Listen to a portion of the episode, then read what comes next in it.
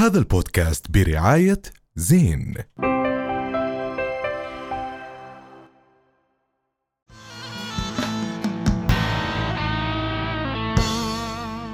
بدنا نحكي عن آه، فيديو آه، تم في قلب الحقائق. آه، فيديو فيه دجل فيه تدليس ليساوي بين ال- ال- الجاني والضحية. طلع علينا نيز ديلي قبل أسبوع بفيديو ليحكي عن الصراع ما بين فلسطين وما بين الاحتلال. بفيديو بشع بفيديو آه، يعني فيه تشويه لأفكار الجيل الجديد. للأشخاص اللي ربما موقفهم ضعيف أو ما عندهم موقف تجاه ال- ال- القضية الفلسطينية ليساوي بين ال- ال- المعاناة وبين ال- القوة. آه، صراحة آه، أنا شفته من أسخف الفيديوهات يعني اللي انعملت في حياتي على الرغم من إنهم كانوا يحكوا إنهم آه، قعدوا يعملوا بهذا الفيديو آه، ست سنين. ست سنين. ست سنين. ففيديو صراحة آه، بشع مستفز. ومستفز. جدا. هو هذا الفيديو ال- الأكثر انتشارا تقريبا الأسبوع الماضي للأسف إنه هو فعلا الأكثر انتشارا ولكن كمان الحلو إنه انتشر آه، بكراهية. للموضوع. آه، ناس كثير على تويتر ناس كثير على كل مواقع التواصل الاجتماعي نشرت هذا الإشي وكان رأيها واحد. هو إشي ببسط ولكن الاشي المحزن هو آه، ثقافة النورماليزيشن أو ثقافة إنه القضية إشي عادي ولازم نتعود عليه من خلال استخدام زي ما حكيت اللي هو الكفتين زي بعض. اليوم بالصور اللي بتشوفها بالفيديو بيظهر لك إنه آه، آه، هو آه، ولد في آه، عند الاحتلال. آه، بس ما حكى بس ما. حكى كيف هذا الاحتلال اجى وكيف هجر وكيف قتل وكيف أقام دولة آه، آه، مجرمة. آه، آه، حكى إنه هو ب- ال- ال- ال- ال- الإسرائيليين بس بتغلبوا عند ال- الحواجز نعم. بينما ال- الفلسطينيين آه، بيقذفوا صواريخ. يعني الصورة بشعة والمقارنة آه، بشعة كانت في ال- جدا. بالفيديو. والأبشع من الموضوع هو هو كشخص آه، ناس ديلي إحنا يعني عملنا زي ريسيرش خفيف آه، عنه كشخص.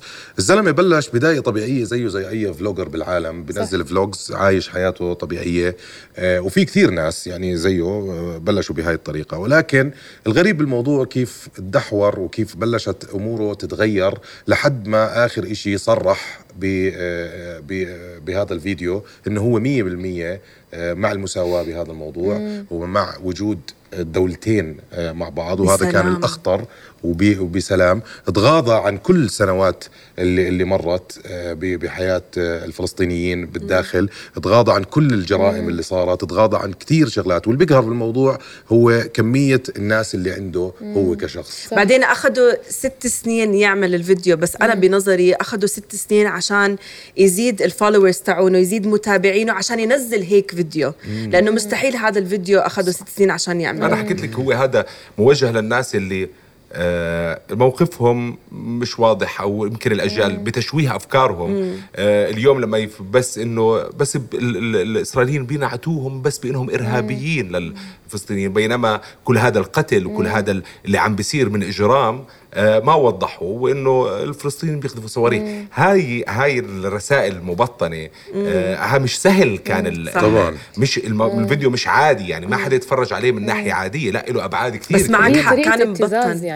آه مبطنة وطريقة كيف بحاول إنه آه، يتدرج لل- للجيل الجديد طريقة ال videos ال- الأحرف الكبيرة كيف بحاول إنه هذا الموضوع كثير حلو نحكي فيه عن جد اللي هو طريقة صناعة الفيديو صناعة الفيديو المحتوى تبعه كيف الزلمة صار عنده خبرة مرعبة يعني أكاديمية تبعته لإنتاج المحتوى ل... ل... لكل العالم. بتعرف إنه في ناس Nas Daily Spa... Spain طب بالاسباني بتعرف إيش المشكلة؟ المشكلة إنه عم بجيب ناس وبيشتغلوا بيمشوا على نهجه اليوم. يعني في شباب وصبايا بيعملوا فيديوهات على نفس طريقة أو فورمات هذا النوع من ال- البرامج أو الفيديوهات ومن العرب يعني.